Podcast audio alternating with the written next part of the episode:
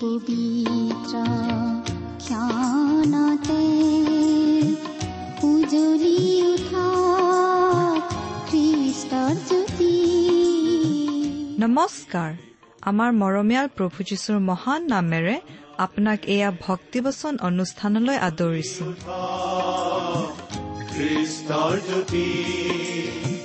আকাশ বতাহ মুখৰিত কৰি গাঁও সবে মিলি গীতি গাঁও সবে মিলি গীতি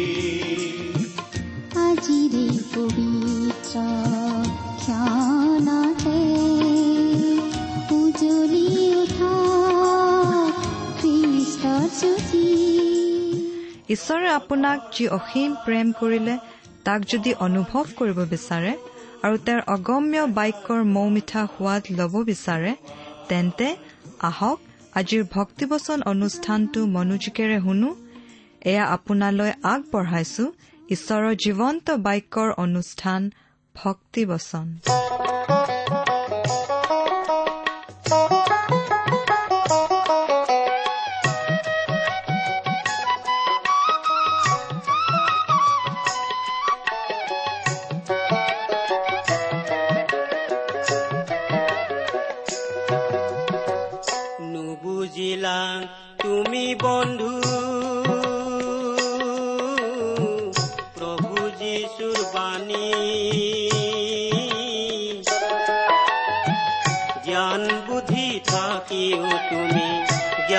বুদ্ধি থাকিও তুমি হলায় জ্ঞানী হে নুবুজিলা বন্ধু তুমি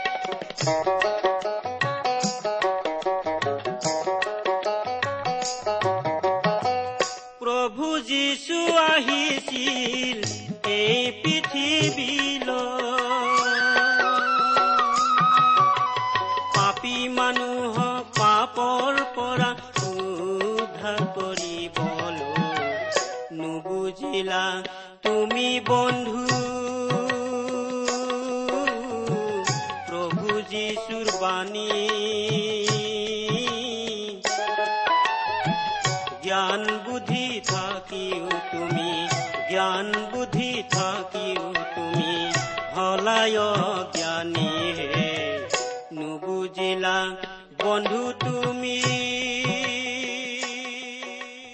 আমাৰ মহান ত্ৰাণকৰ্তা প্ৰভু যীশুখ্ৰীষ্টৰ নামত নমস্কাৰ প্ৰিয় শ্ৰোতা। আশা কৰো মহান পিতা পৰমেশ্বৰৰ মহান অনুগ্ৰহত আপুনি ভালে কুশলে আছে। প্ৰিয় শ্ৰোতা আপুনি বাৰু আমাৰ এই ভক্তিবচন অনুষ্ঠানটো নিয়মিতভাৱে শুনি আছেনে? এই অনুষ্ঠান শুনি কেনে পাইছে আমালৈ দুষাৰিমান আজিয়ে লিখি পঠিয়াবচোন। আপোনালোকৰ পৰা চিঠি পত্ৰ পাবলৈ আমি আশাৰে বাট চাই থাকো। আমাৰ যোগাযোগৰ ঠিকনা। ভক্তিবচন টি ডাব্লিউ আৰ ইণ্ডিয়া। ডাক পাকচ নম্বৰ সাত শূন্য গুৱাহাটী সাত আঠ এক শূন্য শূন্য এক। ঠিকনাটো আৰু এবাৰ কৈছো ভক্তিবচন টি ডাব্লিউ আৰ ইণ্ডিয়া। ডাক পাকচ নম্বৰ সাত শূন্য গুৱাহাটী সাত আঠ এক শূন্য শূন্য এক। আহকচোন সদায় কৰি অহাৰ নিচিনাকৈ আজিও ছুটিকৈ প্ৰাৰ্থনা কৰি আমাৰ বাইবেল অধ্যয়ন আৰম্ভ কৰোঁ হওক। আমি প্ৰাৰ্থনা কৰোঁ। স্বৰ্গত থকা অসীম দয়ালু কৰোণাময় পিতা তোমাক ধন্যবাদ জনাইছো। কিয়নো তুমি আমাৰ জীৱনত আৰু এটা নতুন দিন যোগ দিলা আৰু তোমাৰ মহান বাক্য বাইবেল শাস্ত্ৰ অধ্যয়ন কৰিবলৈ তুমি আমাক আকৌ এটা সুযোগ দান কৰিলা। এই অধ্যয়নৰ যোগেৰে তোমাৰ স্পষ্ট মাত যেন আমি সকলোৱে শুনিবলৈ পাম এনে আশীৰ্বাদ কৰা। এই অনুষ্ঠানৰ আৰম্ভণিৰ পৰা শেষলৈকে তুমি আমাৰ লগত থাকি তুমিয়েই আমাক পৰিচালিত কৰা। কিয়নো এই প্ৰাৰ্থনা মহান ত্ৰাণকৰ্তা মৃত্যুঞ্জয় প্ৰভু যীশুখ্ৰীষ্টৰ নামত আগবঢ়াইছো।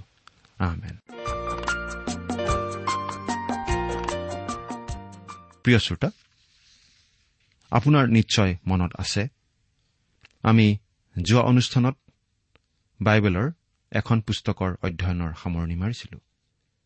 গতিকে আমি আজিৰ অনুষ্ঠানত বাইবেলৰ আন এখন পুস্তকৰ অধ্যয়ন আৰম্ভ কৰিম।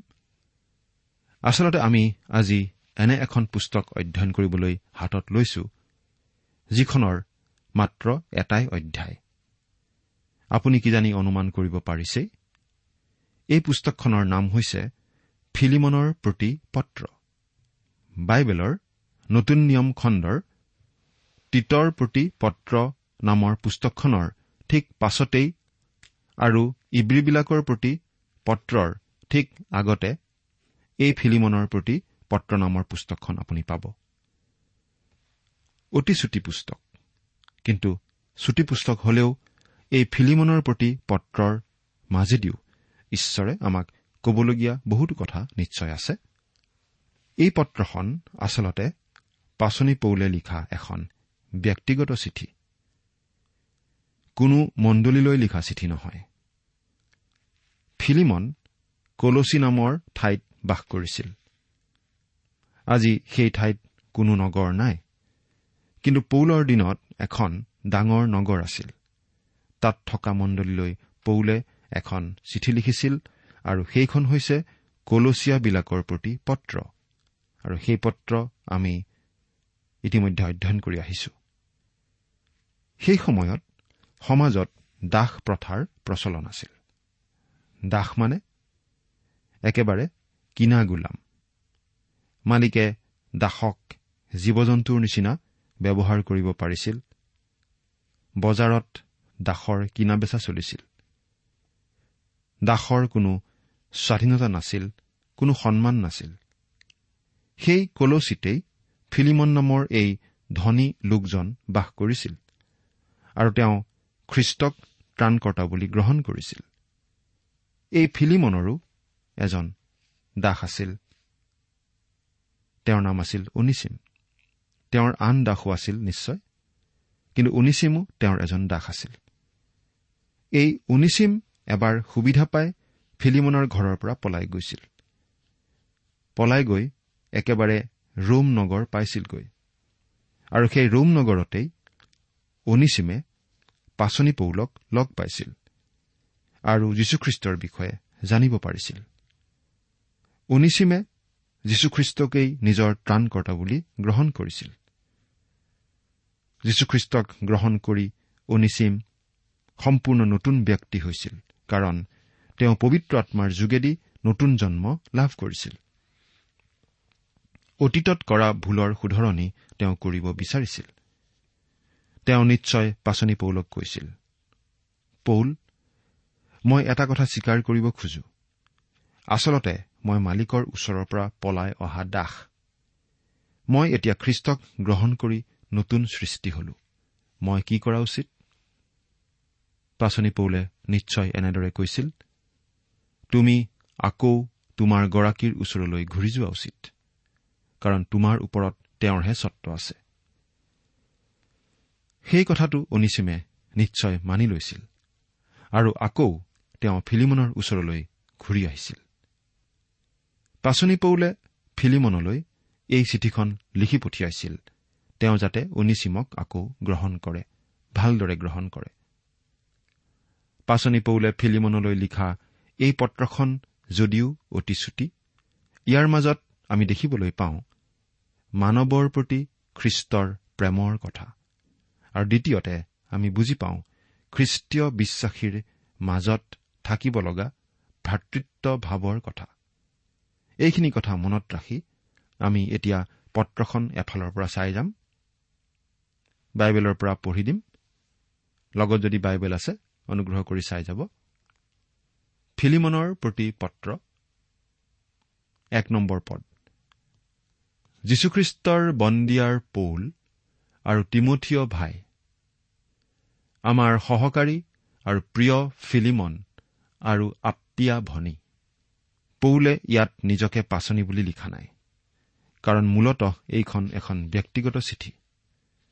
তেওঁ বিশেষভাৱে মণ্ডলীলৈ লিখাৰ সময়তহে নিজকে খ্ৰীষ্টৰ পাচনি বুলি চিনাকি দিছিল। এই চিঠিখন তেওঁ অতি ব্যক্তিগত ভাৱতহে লিখিছিল। কিন্তু চিঠিখনৰ গুৰুত্ব ইমানেই যে ঈশ্বৰে আজি এই চিঠিখন ৰাজহুৱা চিঠি কৰি পেলালে। যীশুখ্ৰীষ্টৰ বন্দিয়াৰ পৌল। পৌল ৰোমত বন্দী হৈ আছিল। তেওঁ নিশ্চয় কাৰাগাৰৰ পৰাই এই চিঠিখন লিখিছিল। তেওঁ কাৰাগাৰৰ পৰা ইপিচিয়াবিলাকৰ প্ৰতি পত্ৰ ফিলিপিয়াবিলাকৰ প্ৰতি পত্ৰ কলচিয়াবিলাকৰ প্ৰতি পত্ৰ আদি পত্ৰকেইখনো লিখিছিল। পৌল আছিল খ্ৰীষ্টৰ বন্দীয়াৰ। অৰ্থাৎ প্ৰভু যীশুখ্ৰীষ্টইহে তেওঁক কাৰাগাৰত ৰাখিছে সেই ভাৱটো প্ৰকাশ পাইছে। অৰ্থাৎ প্ৰভু যীশুখ্ৰীষ্টৰ শুভবাৰ্তা ঘোষণা কৰাৰ বাবেই তেওঁ যে কাৰাগাৰত থাকিবলগীয়া হৈছে সেই কথাটো প্ৰকাশ পাইছে। পাচনি পৌলে নিশ্চয় এনেদৰে ক'ব পাৰে প্ৰভু যীশুৰ ইচ্ছামতেহে মই ৰোমৰ কাৰাগাৰত বন্দী হৈ আছো। যেতিয়া তেওঁ ইচ্ছা কৰে মই মুক্ত হোৱাটো বিচাৰে। মই নিশ্চয় কাৰাগাৰৰ পৰা মুক্তি পাম। যদি তেওঁৰ ইচ্ছা হয় মোৰ বেমাৰ হ'ব লাগে মই বেমাৰত পৰিম। যদি তেওঁৰ ইচ্ছা হয় মই সুস্থ হোৱা উচিত মই সুস্থ হ'ম। কাৰণ মই নিজৰ নহয় মই খ্ৰীষ্টৰ। তেওঁ মোক যি দিয়ে মই তাতেই সন্তুষ্ট থাকিবলৈ শিকিছো। তেওঁ মোক বন্দী অৱস্থাত ৰাখিছে গতিকে মই বন্দী। আৰু তিমঠিয় ভাই। তিমঠিয় কেৱল পৌলৰেই ভাই নহয় ফিলিমনৰো ভাই। সকলো খ্ৰীষ্টীয় বিশ্বাসীৰেই তেওঁ ভাই। তেওঁ আমাৰ প্ৰতিজন খ্ৰীষ্টীয় বিশ্বাসীৰেই ভাই। কাৰণ খ্ৰীষ্টত আমি সকলো ভাই। কাৰণ খ্ৰীষ্টক গ্ৰহণ কৰাৰ যোগেদি আমি সকলো ঈশ্বৰৰ পৰিয়ালৰ সদস্য হৈছো। দুই নম্বৰ পদ আমাৰ সহসেনা আৰ্ক্ষিপ্য আৰু তোমাৰ ঘৰত গোট খোৱা মণ্ডলী এই সকলোবিলাকৰ সমীপলৈ। খুব সম্ভৱ আপ্পিয়া আছিল ফিলিমনৰ পত্নী। আমি অৱশ্যে সম্পূৰ্ণ দৃঢ়তাৰে কথাটো ক'ব নোৱাৰো। আমাৰ সহসেনা আৰ্ক্ষিপ্য এই আৰ্ক্ষিপ্য কোনো ৰোমান সেনা নহয়। তেওঁ যীশুখ্ৰীষ্টৰ সেনা বিশ্বাসৰ সেনা। হাতত তৰোৱাল লোৱা সেনা নহয় কিন্তু আম্মিক যুদ্ধৰ সেনা। প্ৰতিজন খ্ৰীষ্টীয় বিশ্বাসীয়েই একো একোজন সৈনিক কাৰণ ছয়তান আৰু তাৰ শক্তিবোৰৰ বিৰুদ্ধে খ্ৰীষ্টীয় বিশ্বাসীসকলৰ এখন আম্মিক যুদ্ধ চলি আছে অনবৰতে। ঈশ্বৰৰ বাক্যই খ্ৰীষ্টীয় বিশ্বাসীজনৰ অস্ত্ৰ। তোমাৰ ঘৰত গোট খোৱা মণ্ডলী। ফিলিমন খ্ৰীষ্টীয় বিশ্বাসী হোৱাৰ পাছত নিজৰ ঘৰতে এটা মণ্ডলী গঢ়ি তুলিছিল। আজি আমাৰ বাবে গীৰ্জাঘৰটো ইমান গুৰুত্বপূৰ্ণ হৈ পৰিছে যে স্থানীয় মণ্ডলীৰ প্ৰকৃত গুৰুত্বৰ কথা আমি প্ৰায়েই পাহৰি যাওঁ। পাচনি পৌলৰ দিনৰ স্থানীয় মণ্ডলী মানে এটা সুন্দৰ প্ৰকাণ্ড গীৰ্জাঘৰ নাছিল। খ্ৰীষ্টীয় বিশ্বাসীসকলে মানুহৰ ঘৰতহে গোট খাইছিল। জনা যায় যে প্ৰায় দুশ বছৰ ধৰি খ্ৰীষ্টীয় মণ্ডলী কেৱল মানুহৰ ঘৰতহে গোট খাইছিল। আচলতে আজিও আমি বৃহৎ বৃহৎ গীৰ্জাঘৰ নিৰ্মাণৰ কথা বেছিকৈ নাভাবি খ্ৰীষ্টৰ শুভবাৰ্তা বিলাই দিয়া কথাতহে বেছিকৈ মন দিয়া উচিত। তিনি নম্বৰ পদ আমাৰ পিতৃ ঈশ্বৰ আৰু প্ৰভু যীশুখ্ৰীষ্টৰ পৰা তোমালোকলৈ অনুগ্ৰহ আৰু শান্তি হওক। পাচনি পৌলে পত্ৰ লিখোঁতে এনেদৰেই অভিবাদন জনাইছিল তোমালোকলৈ অনুগ্ৰহ আৰু শান্তি হওক। পিতৃ ঈশ্বৰৰ অনুগ্ৰহত আমি আজি পৰিত্ৰাণ লাভ কৰিছো।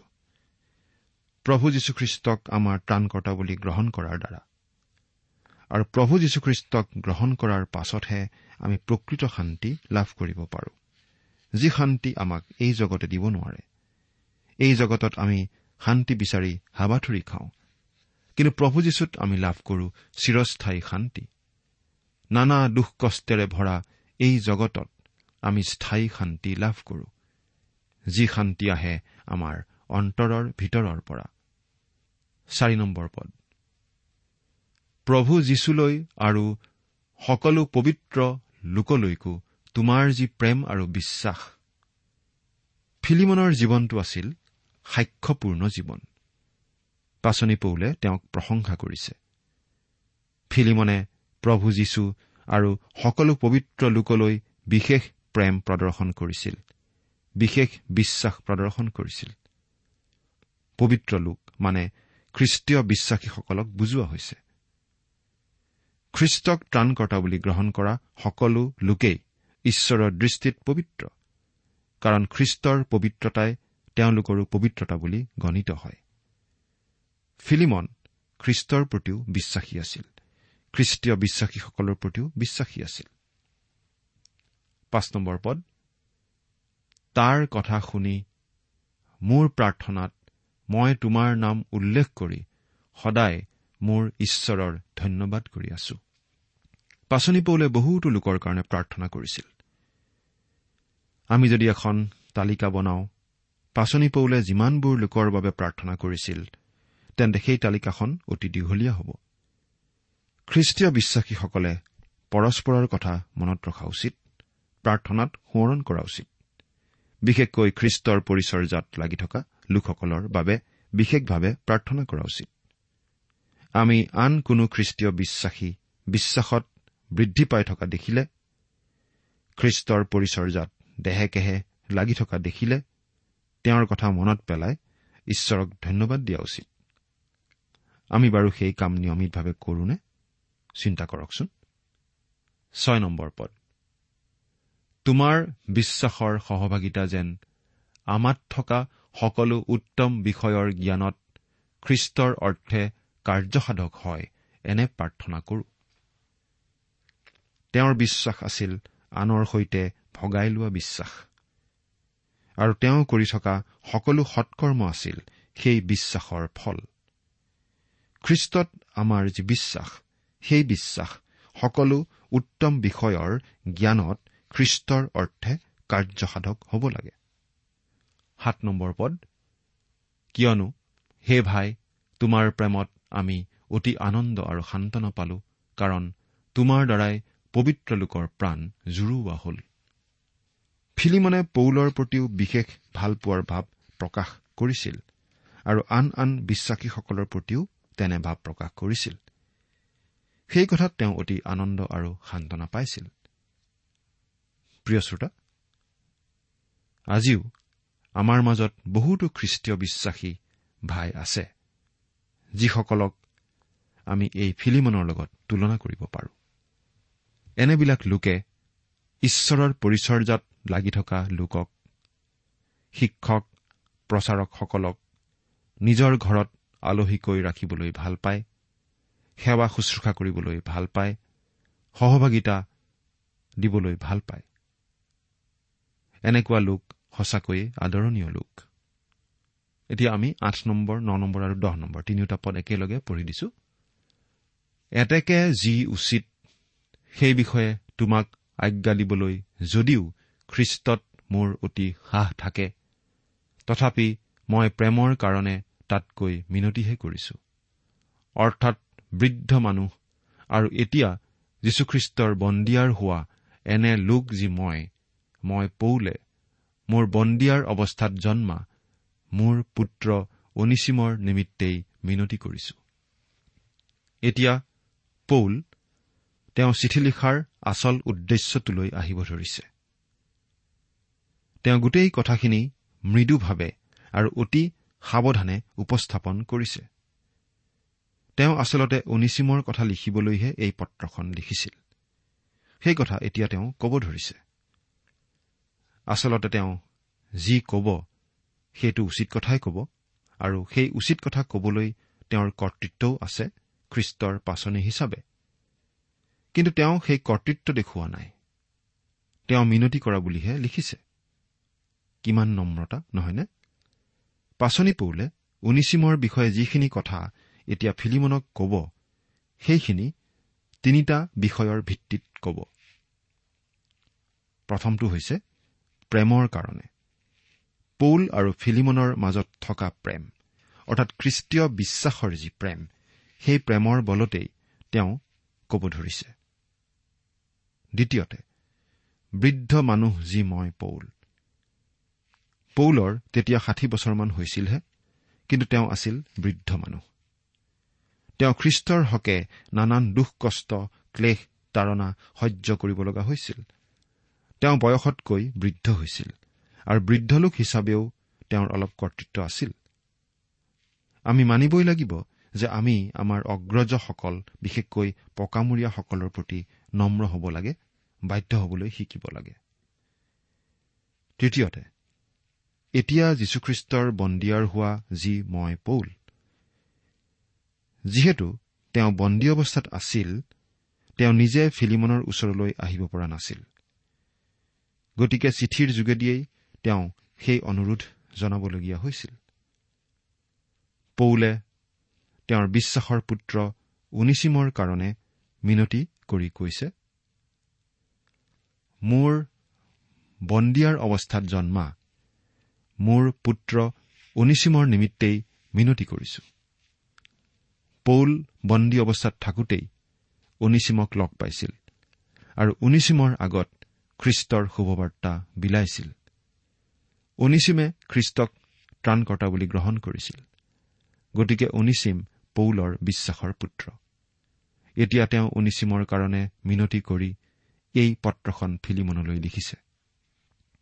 এঘাৰ নম্বৰ পদ।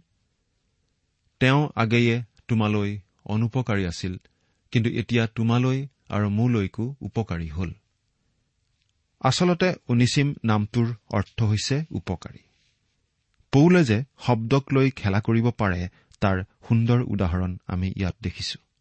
পৌলে কৈছে যেতিয়া তোমাৰ লগত উনিচিম অৰ্থাৎ উপকাৰী আছিল তেতিয়া তেওঁ তোমাৰ অনুপকাৰী আছিল।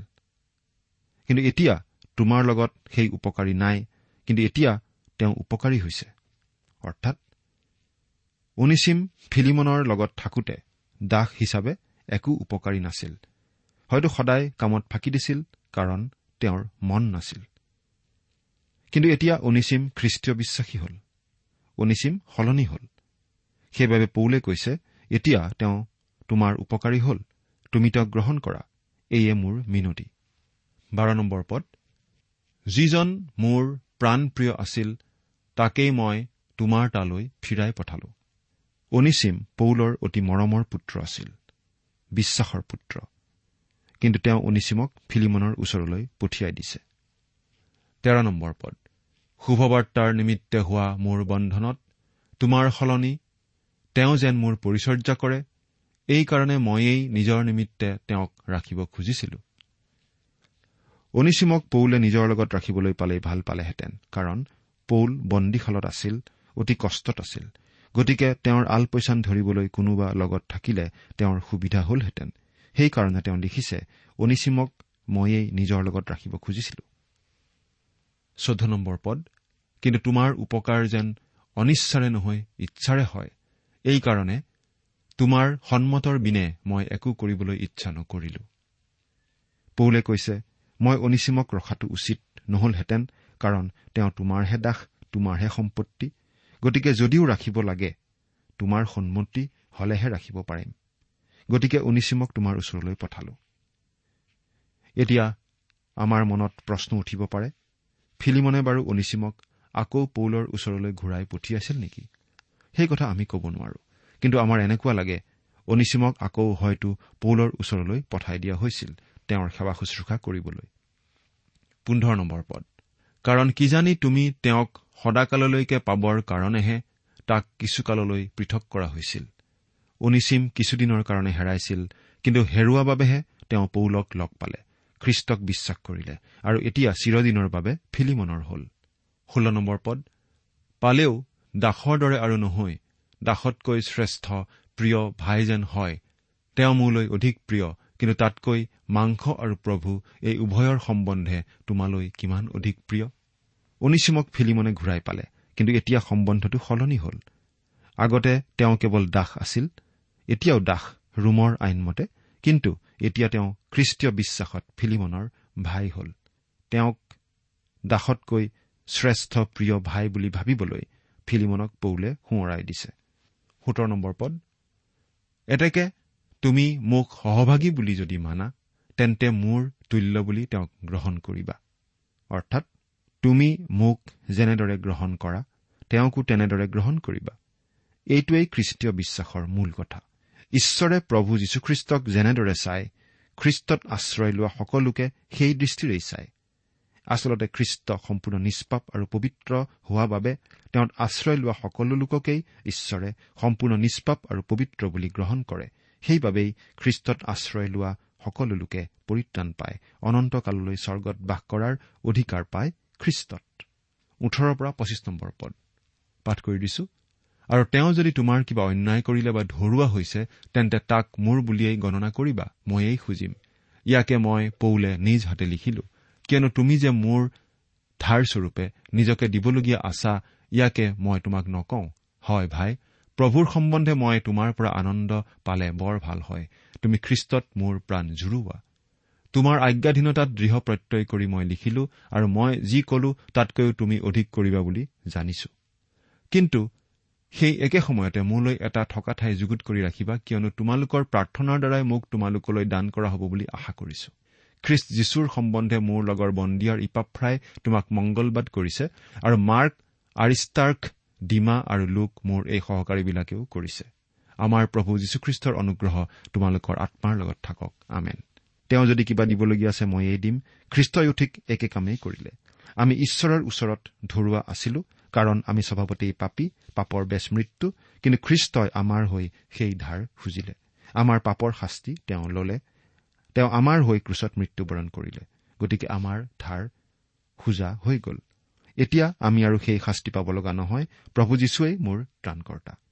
তেওঁ পিতৃশ্বৰক কয় অমুকাই যদি তোমাৰ কিবা অন্যায় কৰিলে বা ধৰুৱা হৈছে তেন্তে তাক মোৰ বুলিয়েই গণনা কৰিবা ময়েই খুজিলো। প্ৰিয় শ্ৰোতা ঈশ্বৰৰ ওচৰত মোৰ আৰু একো ধাৰ নাই। মই মুক্ত কাৰণ মোৰ হৈ প্ৰভু যীশুৱে খুজিলে কাৰণ মই প্ৰভু যীশুক ত্ৰাণকৰ্তা বুলি গ্ৰহণ কৰিলো। আপুনি বাৰু তেনেদৰে ক'ব পাৰেনে? চিন্তা কৰি চাওকচোন। ঈশ্বৰে আপোনাক আশীৰ্বাদ কৰক। আহমেদ নুবুজিলা বন্ধু তুমি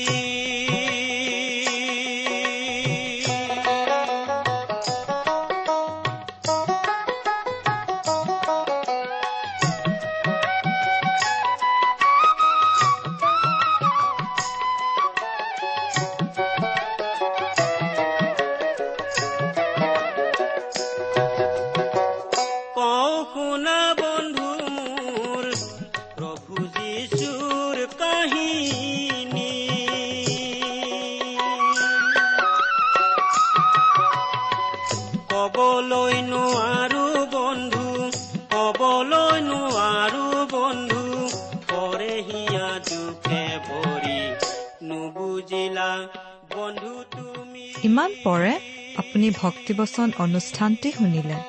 অনুষ্ঠানটি শুনি কেনে পালে আমালৈ চিঠি লিখি জনাবচোন? অনুষ্ঠানত প্ৰচাৰ কৰা কোনো কথা বুজিব লগা থাকিলেও আমালৈ লিখক। আমাৰ ঠিকনা ভক্তিবচন টি ডাব্লিউ আৰ ইণ্ডিয়া ডাক বাকচ নম্বৰ সাত শূন্য গুৱাহাটী সাত আঠ এক শূন্য শূন্য এক। ঠিকনাটো আৰু এবাৰ কৈছো ভক্তিবচন টি ডাব্লিউ আৰ ইণ্ডিয়া ডাক বাকচ নম্বৰ সাত শূন্য গুৱাহাটী সাত আঠ এক শূন্য শূন্য এক। আপুনি ইমেইল যোগেৰেও আমাৰ সৈতে যোগাযোগ কৰিব পাৰে। আমাৰ ইমেইল আইডিটো হৈছে Assamese T TV at radio' eight eight two dot com আইডিটো আকৌ এবাৰ কৈছো Assamese T TV at radio' eight eight two dot com আপুনি টেলিফোনৰ মাধ্যমেৰেও আমাক যোগাযোগ কৰিব পাৰে। আমাৰ টেলিফোন নম্বৰটো হৈছে শূন্য তিনি ছয় এক দুই ছয় শূন্য চাৰি ছয় সাত এক। ফোন নম্বৰটো আকৌ এবাৰ কৈছো zero' three six one two six zero' four six seven one. আজিৰ অনুষ্ঠানটি ইমানতে সামৰিছো। ঈশ্বৰৰ শান্তি আৰু অনুগ্ৰহ আপোনাৰ লগত থাকক। ধন্যবাদ।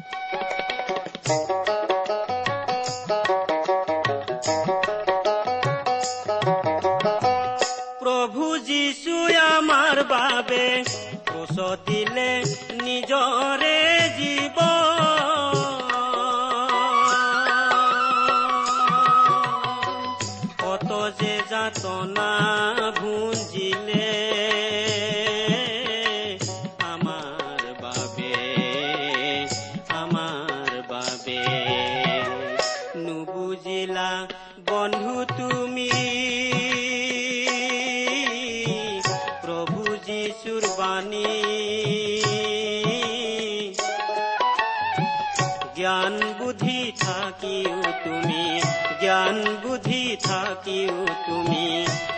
থাকিও তুমি হলায়